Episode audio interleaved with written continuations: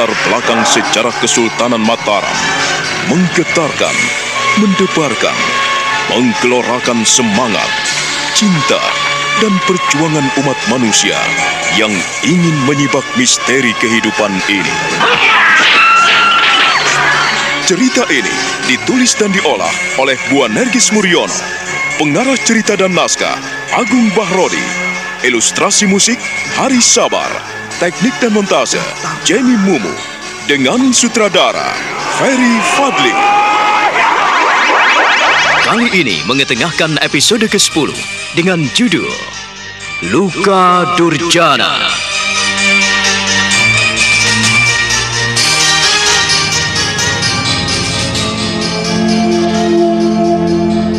Di ujung malam itu, Aji Sukmo semakin tenggelam dalam alam darana, alam kesunyian, alam keheningan batin yang paling dalam. Ia kini menyusuri kembali di mana ia melihat istana perayangan yang begitu elok, indah dan megah. Sebuah istana yang semuanya dihiasi dengan emas, intan dan permata. Sebuah alam dewangga yang belum pernah ia lihat di alam nyata. Haji Sukmo semakin khusyuk bersemadi. Ia melihat Ki Ageng Joyokusumo, Dewi Maya, dan Dewi Kesuma, juga seorang bocah kecil yang bernama Risang Kusumo. Bayi kecil dalam pangkuan ibunya itu menjerit melengking tinggi sekali. Hal itu mengetuk Aji Sukmo hingga alam darananya kian melambung. Kini ia menyusuri tapak-tapak hitam di istana perayangan.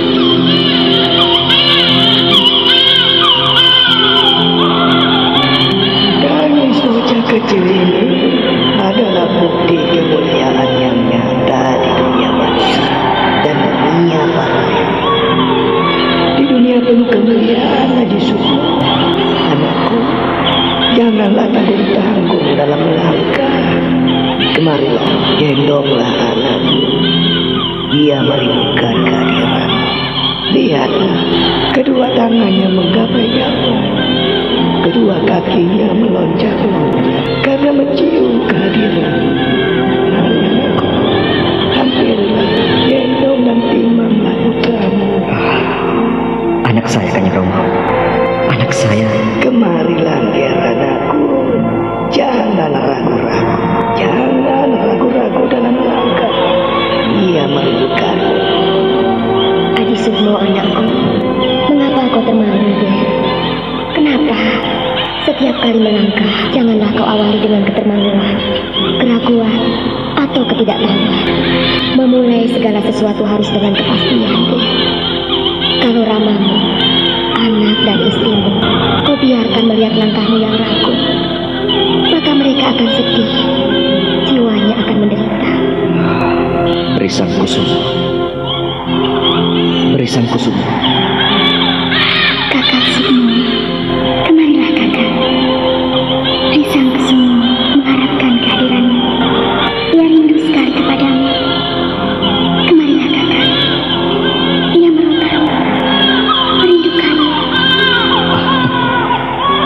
Risang Kusumo anakku. Risang Kusumo. Anakku. Kakak Sukmo, siapa pun yang membawanya, siapa pun yang menerima kehadirannya, ia akan mendapatkan kemuliaan. Nama indah pemberian eyang. Dia buah hati kita, kakak. Risang Kusumo anakku. Ia akan memberikan keharuman di saat malam minggu. Akan memberikan pegangan di saat bumi berguncang. Tidak ada satu orang pun yang mampu meredakan amarahnya apabila bocah ini telah murka. Tetapi ia akan menjadi sahabat yang baik apabila dihargai dan dihormati kehadirannya. Kau harus tahu, Ger. Cucuku adalah kembar. Adalah bunga dari segala bunga. Dia adalah lambang kebesaran dan keagungan. Lambang kemuliaan di dua dunia yang telah menyatu. Yang telah kita bina, Ger. Risang Kusumo. Risang Kusumo.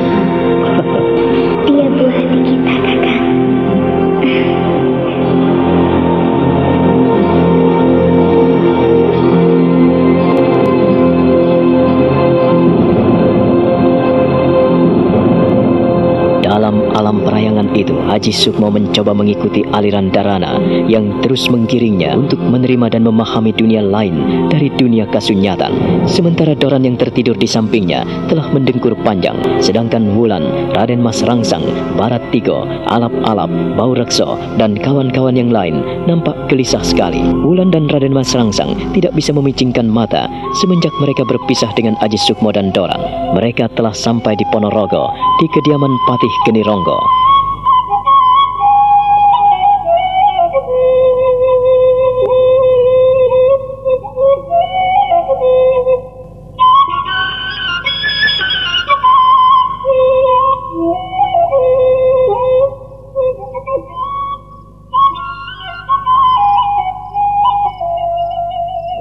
Mengapa kalian tidak tidur? Kalian membutuhkan istirahat panjang, anak-anakku. Kami telah siap dengan apa pun yang terjadi. Sebab kami telah melihat sejauh mana orang-orang Portugis, orang-orang Belanda, orang-orang Spanyol yang sudah melintasi Malaka.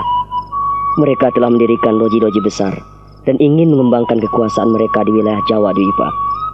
Kecurigaan kami semakin besar saat mereka memasuk senjata di Surabaya. Tetapi kalian tidak perlu merisaukannya. Tidak merisaukannya bagaimana, Papan Genironggo? Perbentengan Surabaya sangat kuat, dan kini bertambah dengan beberapa meriam, cetbang, dan senjata berat lainnya, sumbangan dari orang-orang barat. Kita kalah jauh dengan mereka. Ya, tetapi Eyang Giri adalah sesembahan para kaula di Jawa Dwipa ini, Bulan. Kita tidak perlu cemas memikirkannya. Eyang Giri pantang untuk berperang kecuali menjalankan jihad. Tetapi Eyang Giri di sini tidak akan pernah melakukan peperangan. Dia adalah hamba Tuhan pemeluk teguh yang cinta kedamaian, ketentraman, dan kenyamanan. Eyang Giri paling tidak suka melihat orang berperang. Ya, di sinilah paman merasakan bagaimana kewibawaan dan kebijaksanaan beliau. Yang murka nampaknya adalah anak-anak muda yang mengelilinginya. Itulah yang berpengaruh di Sedekari saat ini. Surabaya bergolak karena pengaruh pemikiran anak-anak muda yang tidak memperhitungkan persaudaraan dan keselarasan yang selama ini terbina dengan baik.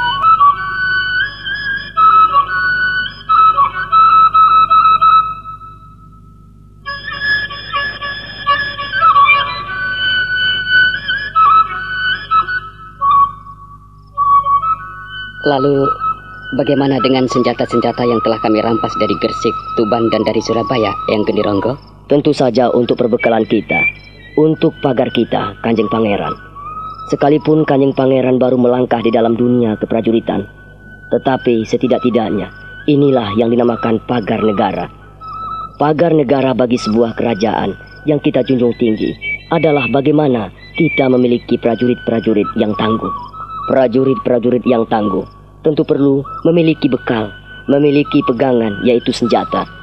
Kita memiliki prajurit pemanah, penombak, penembak dan penjaring. Kini kita memiliki banyak meriam, banyak bedil dan cetbang. Kita bisa menciptakan keimbangan supaya kita tidak diremehkan oleh pemuda-pemuda Surabaya. Eyang Genironggo. Iya, hamba Kanjeng Pangeran. Bukankah apa yang kita lakukan bisa menimbulkan permusuhan, Eyang? kita bisa menimbulkan perselisihan antara Surabaya dan Mataram. Tentu, kalau gerakan yang dipimpin Kanjeng Pangeran Mangkubumi diketahui oleh orang-orang Surabaya, maka kita akan menjadi musuh bebuyutan. Tapi, kami percaya apa yang dilakukan beliau tepat sekali. Saya sendiri juga kagum Paman Genironggo. Surabaya kini memiliki kekuatan yang luar biasa. Saya tidak menduga dan kehadiran orang-orang Belanda, orang Portugis, orang Cina, orang India, Gujarat, Campa mendukung kemajuan pantai timur Jawa Dipa. Kalau mau imbang, kita harus memiliki armada yang kuat. Mataram tidak mungkin mengembangkan wilayahnya ke pantai timur ini selama Ayang Giri ada, anakku. Untuk itu, saat ini Paman kira sudah cukuplah bila Mataram menguasai lautan Banten, Jepara, Juwana, Lasem. Iya, kita tidak bisa memaksakan diri. Kalau terlalu memaksakan diri dan mengembangkan wilayah ke timur, artinya kita dianggap serakah dan kita bisa memancing kerusuhan. Dan misi kita yang selama ini kita jalankan, bukankah ini suatu awal perselisihan Paman Genironggo? Semuanya itu tergantung nih Mas Wulan. Tergantung. Peperangan sering kali tidak bisa dikendalikan dan dihindari jikalau terpaksa. Sebab peperangan apabila kita lihat secara positif merupakan jalan terakhir untuk menyelesaikan suatu persoalan. Walaupun di dalam peperangan itu sendiri akan menimbulkan bencana yang luar biasa. Paman Geni Ronggo, saya melihat ada ketimpangan yang harus kita luruskan. Iya, kita di awal bencana. Tunggu dulu, tunggu. Apa yang perlu diluruskan dan apa yang dianggap sebagai awal bencana? Kita telah menyelamatkan Mataram dari ancaman Surabaya dengan mengambil alih senjata milik orang-orang asing menjadi perbekalan bala tentara kita. Sementara di Surabaya pasti akan timbul kericuhan. Awal bencana adalah bila orang-orang Surabaya tidak terima dengan tindakan kita. Nimas Wulan dan Kanjeng Pangeran harus ingat, tidak gampang bagi orang-orang Surabaya melacak gerakan rahasia kita. Seperti pakaian yang kita kenakan saat di sana. Semuanya memakai penutup wajah hitam, kain serba hitam. Apakah kita tidak menyulut kerusuhan, Eyang? Mungkin saat ini kalian harus tahu bahwa di setiap wilayah kekuasaan Surabaya ada orang-orang kita. Maksud paman? Kita menempatkan telik sandi utama di setiap wilayah kekuasaan Surabaya hingga kita bisa memantau sejauh mana langkah Surabaya menghadapi kehadiran Mataram yang makin berkibar. Ah, uh, paman? Karena itulah kami tahu keberadaan orang-orang Belanda di sana. Misalnya, Randu Watang ditugaskan Kanjeng Sinuwun di Kadipaten Tuban, Gugut dan Bacut di Surabaya, Istana Sedekari, Kuring di Pasuruan, Tajuk di Gresik, Temon di Probolinggo, dan Brani di Malang. Apakah itu adil, Paman? Lalu, bagaimana dengan ikrar kesatria kita? Seperti jika kita membangun rumah, yang kita bangun adalah dasarnya dulu, anak-anakku. Jika landasan rumah kita buat kokoh, maka rumah kita tahan dari angin dan badai. Tapi bagaimana jika landasan rumah kita di atas pasir? Bukankah jika ada angin ribut akan kabur dan hancur? Dunia kita jahat sekali. Kita mangkit tenggelam dalam kubangan, Paman. Saya berjanji untuk keluar dari kubangan itu.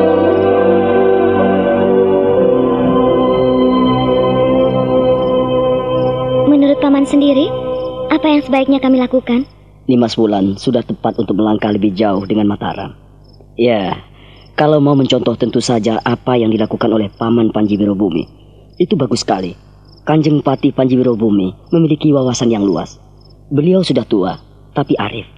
Bisa menerima pemikiran yang mudah, tetapi sulit membiarkannya begitu saja.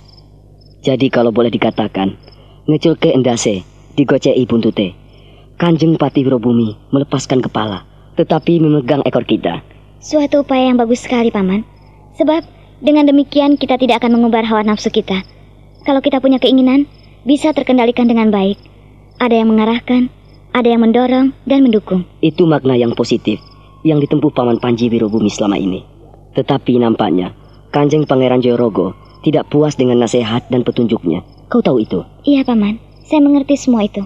Pelajaran masa lalu di Ponorogo yang telah lewat hingga Kanjeng Pangeran Jayorogo Duwung dan dibuang ke Nusa Kambangan itu menjadi pelajaran yang berarti buat kalian yang masih muda-muda. Paman Joyorogo orangnya serakah, sehingga kami tidak boleh mencontohnya. Itulah hidup dan Mas Rangsang, Angger Mas tahu. Hidup ini sering kali diasi dengan keserakahan, kemabukan, kemunafikan, sehingga manusia lupa akan dirinya sendiri. Paman Joyorogo sudah mempunyai tempat yang enak.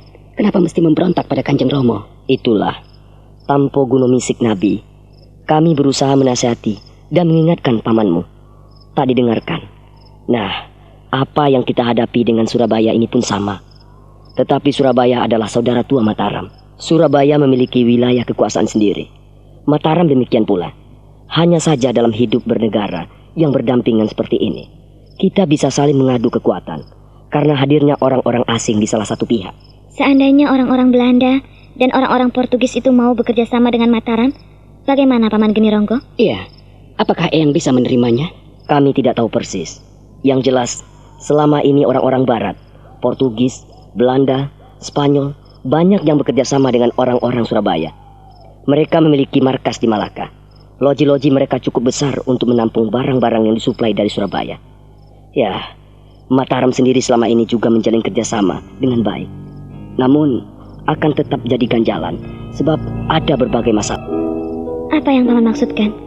Tentu saja sehubungan dengan perampokan kapal Tuan Laksamana Jacob van Hasker oleh orang-orang Demak Bintoro yang mengatasnamakan Mataram. Inilah yang membuat Mataram menjadi buruk di mata mereka. Sehingga orang-orang asing sungkan untuk singgah di wilayah Mataram. Sekalipun Semarang, Banten, Jepara adalah bandar beras yang terbesar di Nusantara ini. Sudahlah, Yang penting kita bisa menghalangi dan mencegah adanya peperangan besar. Kita bisa mengurangi kekuatan Surabaya dengan perampasan secara rahasia yang kita lakukan selama ini. Jadi, kita tidak perlu pusing. Kita tinggal menyusun strategi bagaimana baiknya agar tidak terjadi perselisihan. Hari hampir pagi. Kalian belum istirahat. Istirahatlah. Baik, Paman. Terima kasih atas nasihat dan pengarahannya. Hmm, istirahatlah. Paman juga sudah lelah. Gani Ronggo kemudian meninggalkan anak-anak muda itu. Namun Wulan dan Raden Mas Rangsang tidak bisa memicingkan mata sebab mereka memikirkan Aji Sukmo dan Doran. Di fajar yang dini, saat sang surya merekah, Aji Sukmo siuman dari semadinya. Ada desir-desir gaib menyelimuti mata batinnya.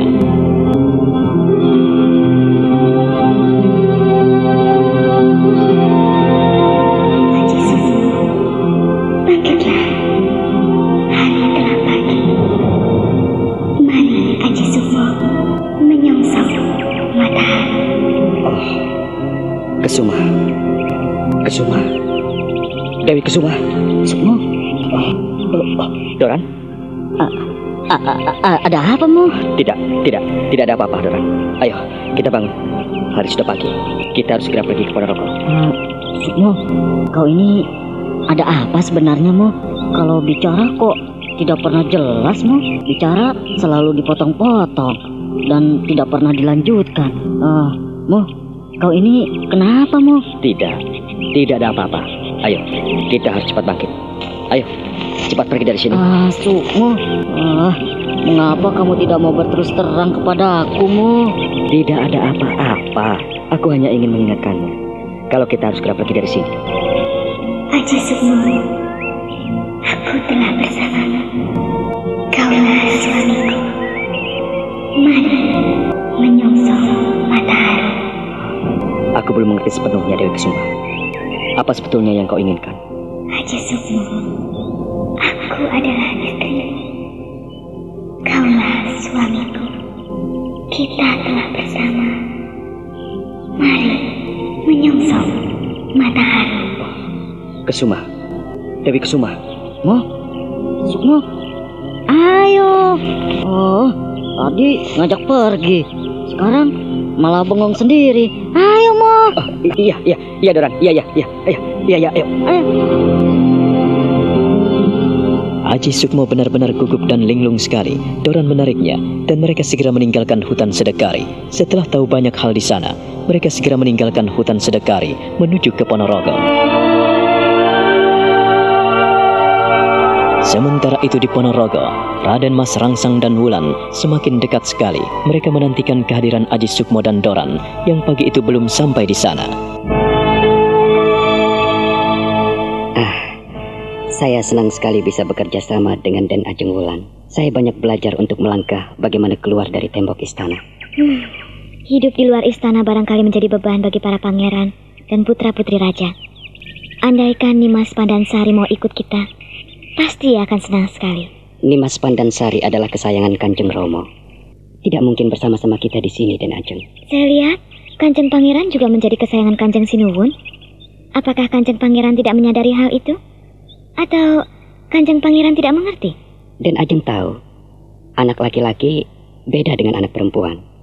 Anak laki-laki, semua putra Kanjeng Romo diberikan kebebasan untuk melangkah. Kalau anak perempuan, ia harus hati-hati. Sebagai orang tua yang baik, harus mengawasi anak-anak perempuannya. Sebab anak perempuan bisa menimbulkan malapetaka.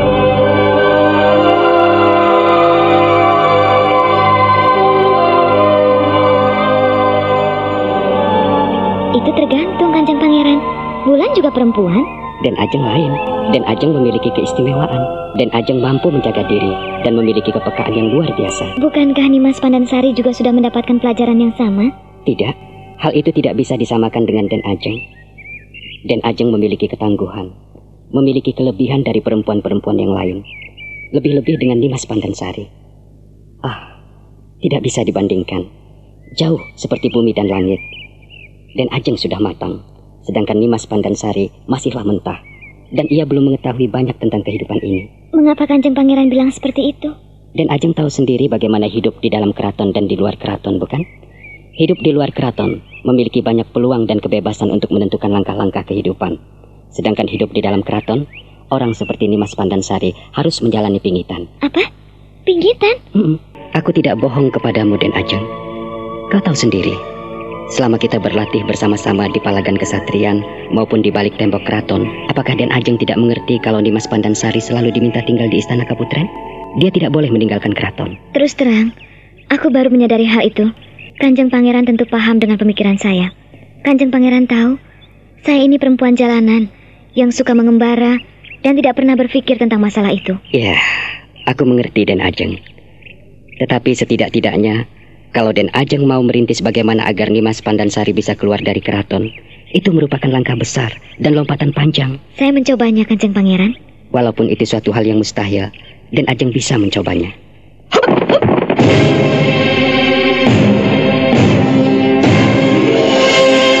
Wulan, Wulan, Kanjeng Pangeran? Uh, Kanjeng Pangeran. Doran, Ah. Sukmo, sampai ke mana saja kalian? Kami menanti kedatangan kalian. Mengapa sampai menginap? Wah, kalian tidak tahu kalau kami mencemaskan keselamatan kalian. Ada sesuatu yang ingin kusampaikan pada kalian. Sukmo, Di mana Paman Geni Ronggo? di dalam? Ada sesuatu yang ingin kusampaikan pada beliau. Nampaknya gawat sekali Kang Mas Sukmo. Benar, Kanjeng Pangeran. Kita harus segera kembali ke Mataram. Kalau tidak ingin celaka. Justru itulah kami mencemaskan Kang Mas Sukmo dan Doran. Kami memikirkan bagaimana kalian berdua ada di Sedekari. Bagaimana keadaan di sana, Sukmo? Aku ingin menyampaikan hal ini pada seluruh sesepuh Ponorogo. Bagaimanapun juga, kita harus menyampaikan hal ini. Oh ya, lalu bagaimana berita dari Paman Mangkubumi? Eyang ada di wisma pribadi Eyang Pati Panji Wirobumi. Kalau begitu, kita harus ke sana. Sukmo, kau harus memberitahukan masalah itu kepada kami dulu, agar kami juga siap. Seorang mata-mata Mataram tewas di tangan Pangeran Pekik.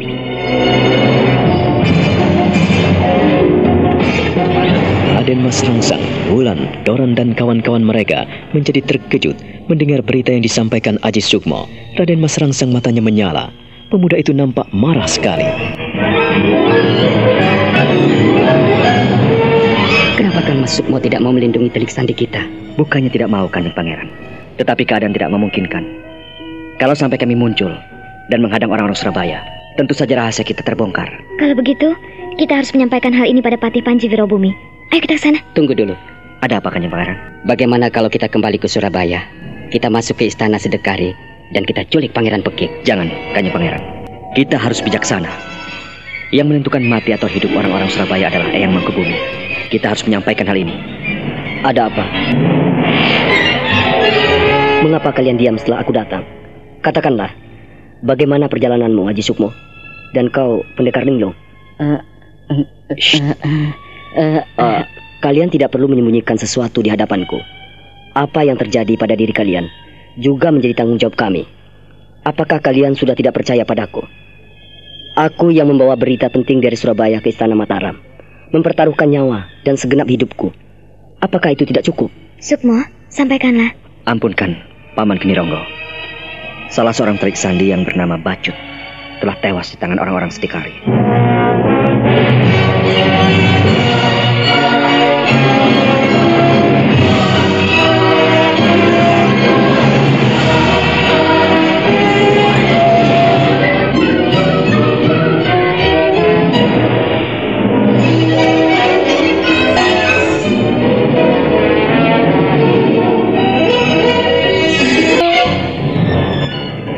Beberapa saat lamanya, Tih Genironggo memperhatikan para pemuda Mataram itu.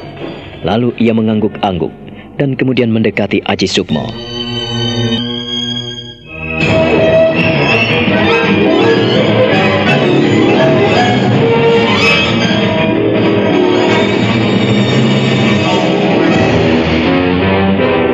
Sungguh tidak bijaksana apabila kita tidak memberitahukan hal ini pada Paman Panji Wirobumi. Kita harus menyampaikan hal ini pada Kanjeng Pangeran Mangkubumi. Ayo, kita harus bersama-sama menuju ke Wisma Paman Pati Panji Wirobumi.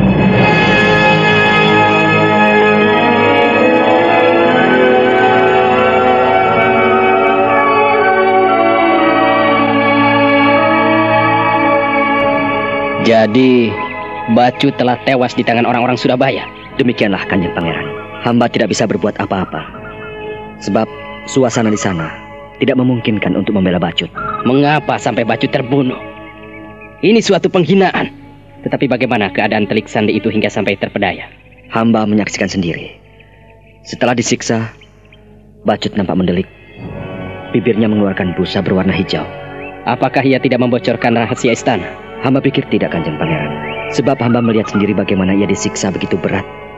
Sampai akhirnya ia menelan ramuan racun yang biasa dibawa oleh para telik di Mataram. Baiklah kalau begitu. Hal ini jangan sampai terdengar di telinga kanjeng Sinuwun. Aku berpesan supaya kalian merahasiakan hal ini. Mengapa begitu, Eyang? Kalau Eyang Mangkubumi tidak memberitahukan hal ini pada Kanjeng Romo, Kanjeng Romo bisa murka. Cucuku Angger Mas Rangsa, ketahuilah. Kalau sampai diketahui Bacut mati di tangan orang-orang Surabaya, akibatnya bisa parah. Kenapa begitu, Eyang? Kau tahu sendiri, Kanjeng Ramamu bukanlah orang penyabar. Kalau melihat orang-orangnya dihina, ia bisa murka. Dan lebih murka lagi jika mengerahkan bala tentara Mataram untuk menyerbu ke Surabaya. Ini yang lebih fatal lagi. Jagalah keselamatan kalian. Dan terlebih dari itu, kita harus memikirkan seluruh rakyat Mataram, juga rakyat Surabaya yang tidak berdosa. Tapi Eyang, apakah itu adil? Bukankah kita telah mengetahui kenyataan ada seorang telik sandi Mataram yang tewas di tangan orang-orang Surabaya? Cucuku Angger Mas Rangsa. Di sinilah letak bermanfaatnya kehadiranmu. Kadang-kadang kita harus menyampaikan sesuatu yang lain dari apa yang terjadi. Jangan salah sangka jika Eyang ini mengajarimu berbohong. Tidak, Nger. Menutupi seorang yang celaka lebih berarti daripada mengorbankan seluruh rakyat Mataram. Pikirkanlah itu baik-baik. Seorang telik sandi memang sudah mendapat tugas serta kewajiban seperti itu. Apabila ia berhasil membawa pulang dengan selamat, artinya ia mendapat hadiah. Dan kalau ia ketahuan, nyawa mereka yang menjadi tebusannya. Untuk itulah, mereka rela disiksa dan rela menelan ramuan racun untuk bunuh diri. Semua itu sudah ditebus dengan harga yang mahal. Sebab mereka mendapatkan jaminan dari istana. Ampunkan hamba, Eyang. Hamba hanya ingin tahu mengapa orang yang dibunuh semena-mena seperti itu tidak kita bela. Siapa yang tidak merasakan pahitnya dan pedihnya dicabuti kuku-kukunya? Ini suatu penghinaan, Eyang. Anak Mas Rangsang cucuku. Kau akan semakin mengerti kau akan semakin memahami bagaimana kehidupan di lapangan sebagai seorang prajurit. Kau pun saat ini sebagai seorang telik sandi. Ketahuilah itu. Kita boleh mengacau di loji-loji company, tetapi kita dilarang membunuh kecuali terpaksa. Ketahuilah itu. Dan kita tidak boleh membela para telik sandi yang terbunuh dengan semena-mena, Eyang. Angker Mas Rangsang cucu. Membela kebenaran tidak berarti memamerkan kekuatan dan meluapkan nafsu amarah. Peperangan terjadi hanya karena terdesak oleh keadaan. Peperangan terjadi hanya untuk meluruskan keadilan dan ketidakbenaran, juga untuk menegakkan kekuasaan. Bukan sekedar unjuk kekuatan. Kita harus mencegah peperangan. Sejauh mana kita mampu mencegahnya, tetapi kita tidak boleh memancing kericuhan. Kita merampas persenjataan di loji-loji Belanda. Hal itu karena Surabaya sudah menjadi ancaman Mataram. Kita berada di pihak yang benar. Kita harus menyiram api dengan air sebelum kobaran api itu menyala-nyala dan membakar segala-galanya.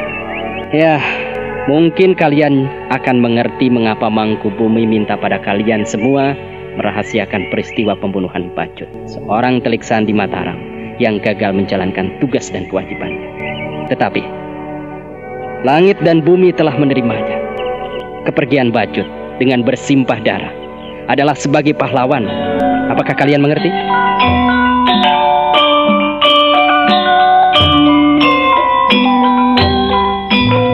Siang itu, Aji Sukmo dan kawan-kawannya disertai Patih Kenironggo menuju ke tempat Patih Panjiwiro Bumi. Setelah sampai di sana, ia sampaikan semua yang dilihatnya di Istana Sedekari tanpa terkecuali. Mendengar berita itu, Pangeran Mangkubumi amat murka, namun ia minta agar seluruh anak buahnya mengendalikan diri dan jangan membocorkan masalah itu sampai ke telinga sang raja. Pandang mata Pangeran Mangkubumi berkilat-kilat memperhatikan seluruh anak buahnya. Haji Sukmo dan kawan-kawannya hanya menunduk. Ruangan itu menjadi hening dan sunyi. Para sesepuh Ponorogo hanya diam dan mengangguk hormat pada orang utama Mataram itu. Semoga kalian mengerti dengan apa yang kusampaikan ini. Merahasiakan sesuatu yang terjadi bukan berarti suatu kebohongan. Tidak. Tetapi inilah hukum prajurit. Seorang prajurit memilih mati daripada dikhianati. Seorang prajurit juga akan terus melangkah sampai tetes darah penghabisan jika ia dikhianati. Ia pun pantang mengkhianati. Aku di sini tidak mengajarkan kebohongan pada kalian. Tidak. Tetapi demi kebaikan bersama. Apakah kalian mengerti? Hamba yang mengkebumi. Bagus.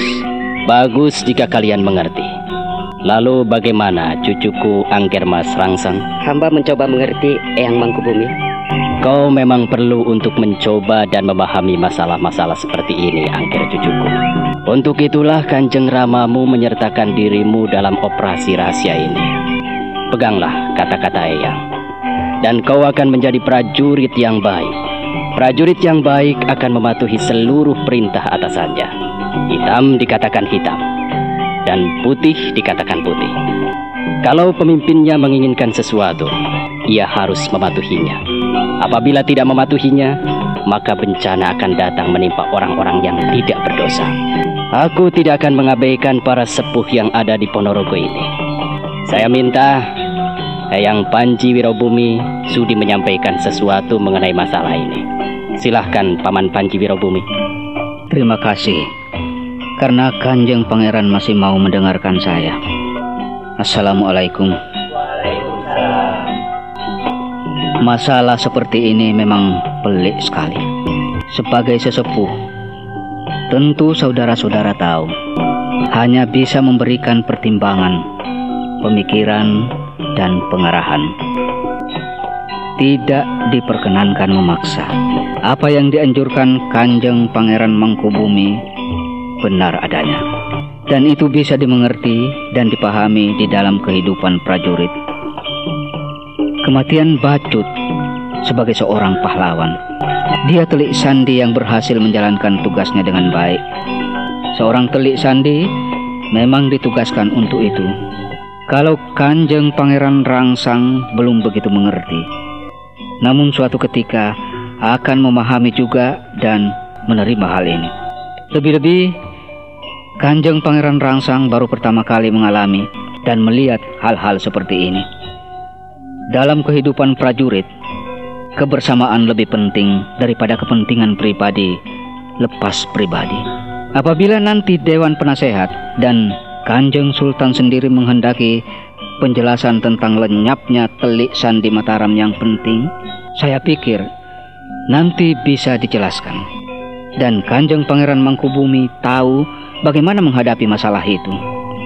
Kalian anak-anakku, cucu-cucuku, kalian adalah tulang punggung Mataram. Kepada kalianlah kemudahan dan keperkasaan hidup. Kepada kalianlah masa depan Mataram dibebankan. Hanya itu yang bisa hamba sampaikan. Kanjeng Pangeran, terima kasih. Wassalamualaikum.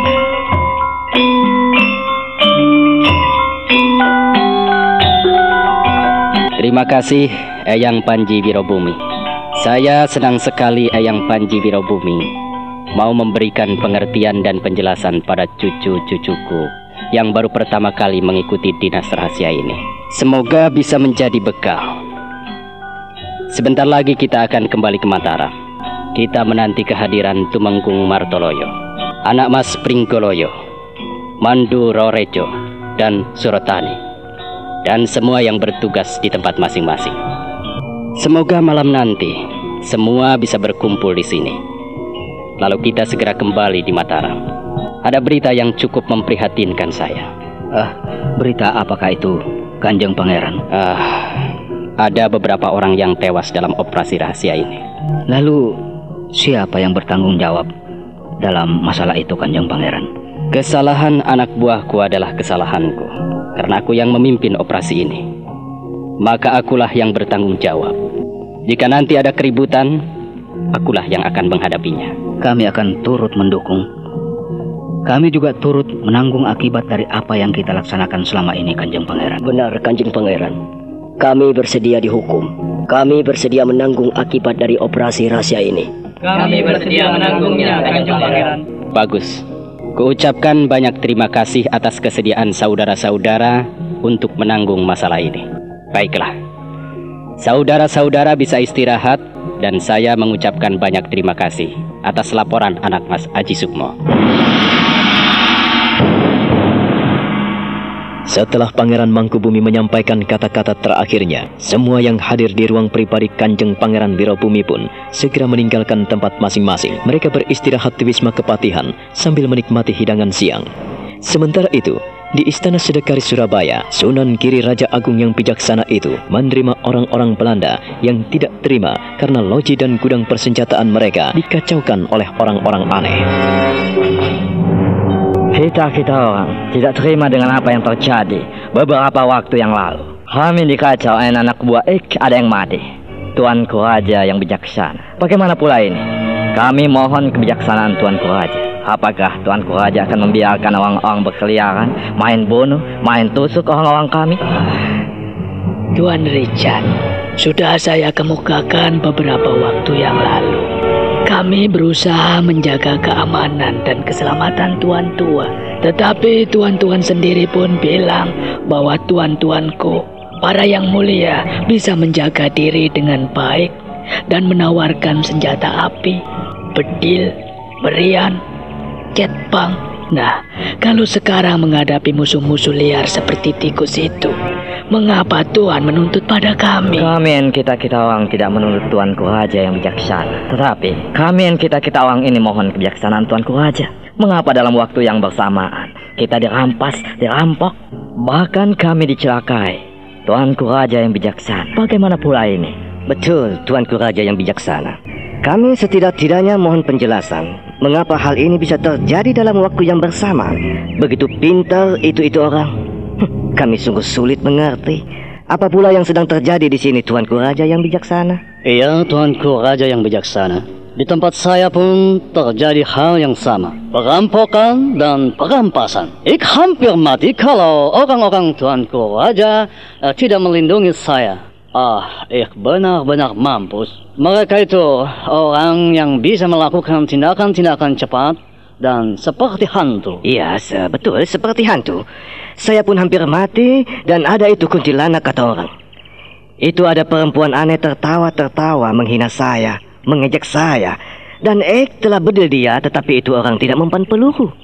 Para yang mulia yang budiman, saya harap para yang mulia dapat tenang dan mencerna peristiwa apa sebetulnya yang kita hadapi. Yang menghadapi kekacauan bukanlah para yang mulia saja. Perlu diketahui, di istana sedekari ini, kami pun telah menangkap seorang penjahat. Untuk itu, para yang mulia tidak perlu menuntut kami dan tidak boleh menyalahkan Kanjeng Romo. Ger, tenanglah. Para yang mulia, yang saya hormati, saya ini sudah tua. Mata saya pun telah rabun. Tidak mampu melihat para yang mulia dengan jelas. Benar, memang dalam waktu yang sama kita menghadapi permasalahan yang serupa. Ada pengacau mengotori wilayah saya. Sesuai dengan perjanjian kita, akan saling bahu-membahu, bantu-membantu. Saya tidak mau curang. Saya tidak mau memberikan sesuatu yang timpang pada para yang mulia. Harapan, janji, keinginan, dan impian adalah sesuatu yang selalu kita dambakan. Tetapi, kalau kenyataan berbicara lain, apakah kita mau menolak? Hah? Kita tidak bisa menolak dan menuntut takdir. Peristiwa naas yang kita alami bersama, mengapa tidak kita cari jalan keluarnya yang terbaik? Tetapi para yang mulia seakan-akan menuduh, menuntut, dan menginginkan kami membereskan semuanya. Ya, memang sebagai pemerintah di sini, saya bertanggung jawab atas kerusuhan yang terjadi. Tetapi, adalah tindakan picik apabila menyalahkan sahabat. Oh, nee, nee, nee. Kami tidak menyalahkan Tuan. Tuanku Raja yang bijaksana tidak bersalah. Tetapi kami ingin mohon penjelasan. Kita-kita orang sangat sedih, Tuan. Kami susah, Tuanku Raja yang bijaksana. Kami menanggung derita dan kerugian yang amat besar. Itulah yang membuat kami datang ramai-ramai ke sini, Tuanku Raja yang bijaksana. Seperti semula, Kami selalu datang bersama untuk berbincang-bincang dan saling bertukar itu pikiran. Dan untuk itu pula, maafkan kami bila kami seakan-akan menuntut Tuanku Raja yang bijaksana. Tetapi bagaimana dengan orang-orang saya yang mati dengan mata tertinggal? Apa pula ini? Kami sungguh tidak mengerti. Ik tidak mengerti sama sekali. Hidup dan mati hanya di tangan yang maha kuasa. Mengapa yang maha kuasa tidak mencabut nyawaku yang telah rabun ini? Yang maha kuasa memberikan hidup agar yang memiliki hidup itu menjalankan fungsinya, para yang mulia. Dan kita tidak bisa sewenang-wenang dalam menjalankan hidup dan kehidupan. Semoga para yang mulia mengerti. Kalau memang para yang mulia menuntut ganti rugi, pemerintah Surabaya akan memikirkan. Tapi sejauh mana sampai saat ini? Apakah kerjasama kita saling merugikan? Tidak bukan? Tidak. Tuan bilang, Nek, apakah para yang mulia susah untuk menerima kerjasama kami? Dan menuduh kami ada di balik semua peristiwa itu? Oh, Tuanku Raja yang bijaksana jangan salah paham. Kami datang kemari mohon penjelasan. Nah, kalau Tuanku Raja terbakar api amarah, bagaimana pula kita bisa selesaikan masalah ini? Ha?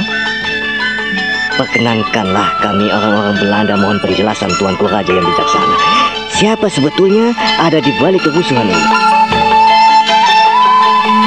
Orang-orang Belanda yang ada di Surabaya, di Pasuruan, di Gresik, dan semua yang ada di wilayah Surabaya datang menghadap Sunan Giri yang agung. Sunan Giri yang duduk di singgasana kencana hanya bisa mengangguk-angguk lembut sambil menerawang jauh, sebab kedua matanya sudah rabun.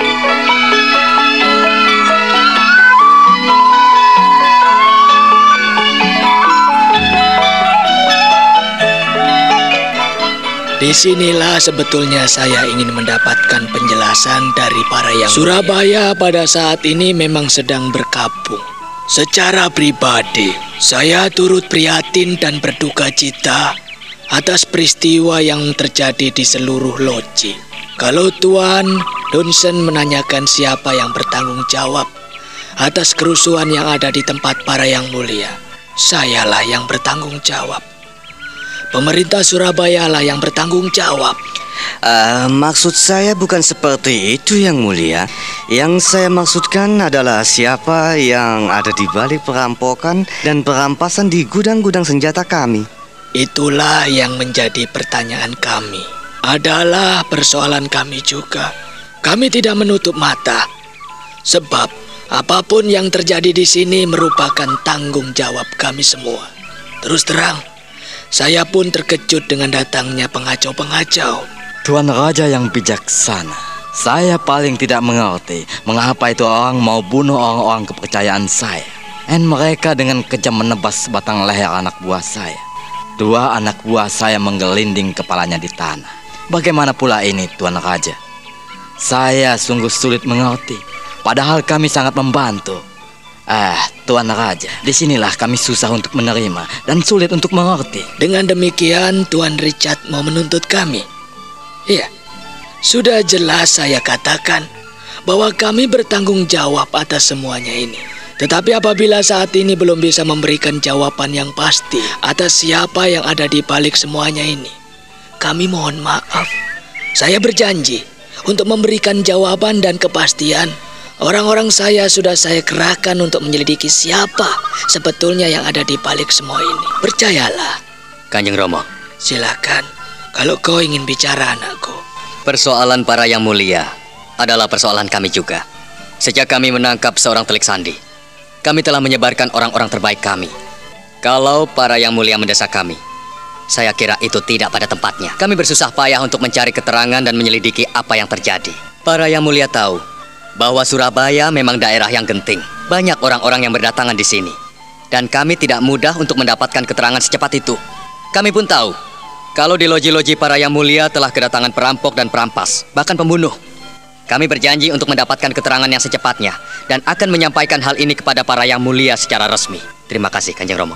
Nah, para yang mulia yang saya hormati, Tuan Stephen Danson, Tuan Paulus, Tuan Richard, Tuan Stephen Hagen, Tuan Wibran, dan para yang mulia yang benar-benar saya junjung tinggi kehadirannya di Surabaya ini.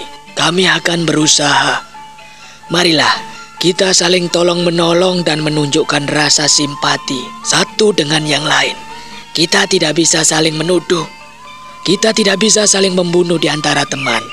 Kita tidak perlu bersih tegang seperti ini. Mari, mari kita bau-membau. Tuanku Raja yang bijaksana, apabila masalah ini tidak kami dapatkan kejelasan, maka untuk bantuan-bantuan senjata selanjutnya kami tunda. Barangkali benar apa yang dikatakan Tuan Richard. Kami belum bisa memberikan bantuan secepatnya Tuan Raja karena gangguan dan halangan yang kami hadapi saat ini. Para yang mulia, sejak saya duduk di Surabaya sebagai raja di sini, sebagai pemimpin, saya tidak pernah minta bantuan pada siapa pun juga. Kehadiran para yang mulia di sini adalah atas kerjasama yang baik. Para yang mulia yang menawarkan kepada kami. Para yang mulia sendiri yang berjanji dan para yang mulia sendiri yang patut memikirkan dan melaksanakannya. Tidak apa, tidak apa.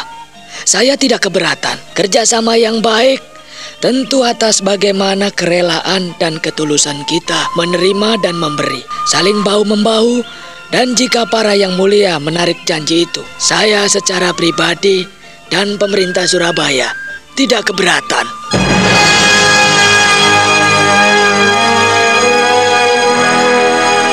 Sunan Giri berusaha bijaksana menghadapi orang-orang asing.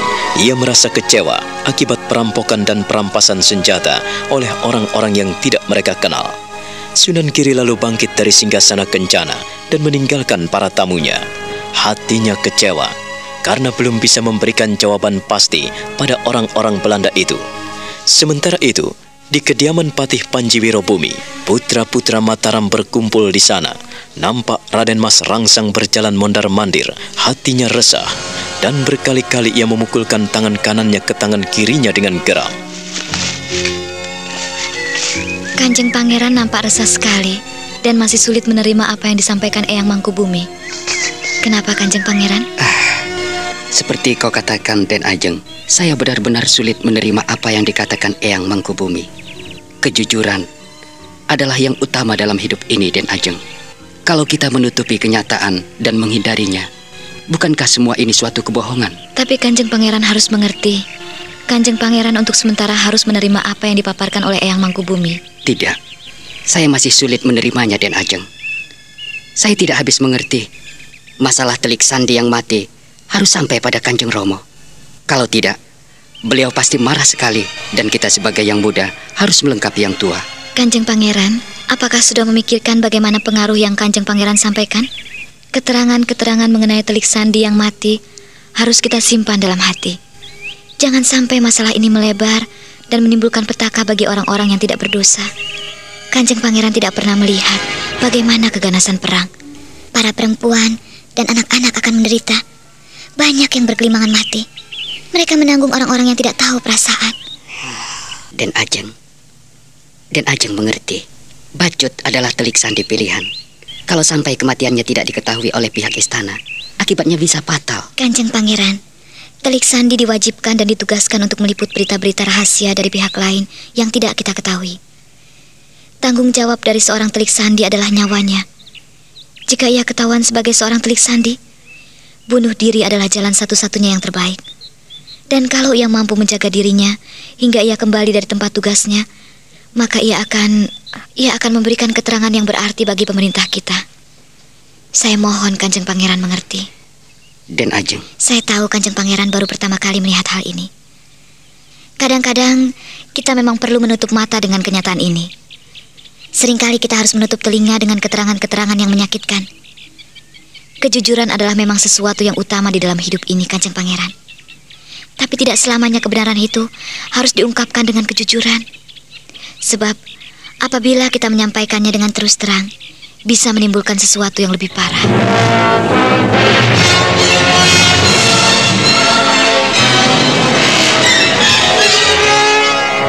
Kalau kita sudah belajar menutupi kejujuran dan ketulusan, apabila kita selalu menutupi kenyataan kita akan hidup dalam kebohongan dan kita akan menginjak-injak kebenaran itu sendiri.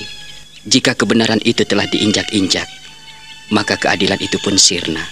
Apakah Den Ajeng Wulan memahami hal ini? Sejak lama saya belajar untuk mengerti dan memahami Kanjeng Pangeran. Memang ada yang mengganjal dalam hati dan pikiran saya. Akan tetapi, setelah saya bolak-balik berpikir dan merenungkan, akhirnya saya mengerti juga. Mengerti? Ya, mengerti sekaligus memahami keberadaan penguasa dan kekuasaan, tugas dan kewajiban seorang prajurit Telik Sandi. Maksud di Ajeng? Seorang prajurit Sandi berkewajiban menjalankan tugas-tugasnya tanpa diketahui pihak mana pun. Jika dalam keadaan terjepit dan tak mampu melawan ataupun melepaskan diri, jalan yang terakhir adalah menelan racun. Itu aku tahu. Jika Eyang Mangkubumi tak ingin Kanjeng Sinuwun tahu, artinya suatu ketika Kanjeng Sinuwun mengerti karena hilangnya seorang Sandi, artinya labuh pati, merelakan nyawanya demi bela negara. Dengan demikian, di Ajeng Wulan setuju dengan kebohongan dan dusta? Kanjeng Pangeran, kita tidak bicara soal bohong dan dusta, bukan? Lalu, mengenai apa di Ajeng? Hakikat dan keberadaan prajurit Sandi. Kau ternyata tidak sependapat denganku. Itu sah sekali, Kanjeng Pangeran. Bagaimanapun juga, lenyapnya seorang pahlawan harus dikenang dan dihargai. Lebih-lebih kita tahu pasti. Mengapa harus menutup mata dan telinga? Mengapa harus menutupi hati kita dengan tabir hitam? Di manakah letak kebenaran, keadilan, kejujuran dan ketulusan di Ajeng Wulan? Kanjeng Pangeran. Oh, mengapa Den Ajeng tersenyum dan tidak bisa menerima pemikiran saya?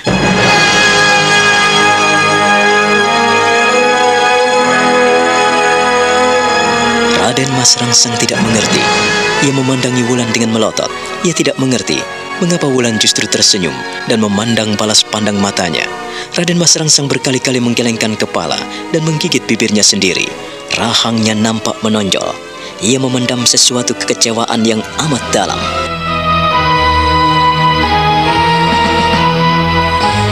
Nah, bagaimana kisah selanjutnya? Saudara pendengar, silakan menunggu seri berikutnya dalam serial Wahyu Astabrata ini. Sampai jumpa.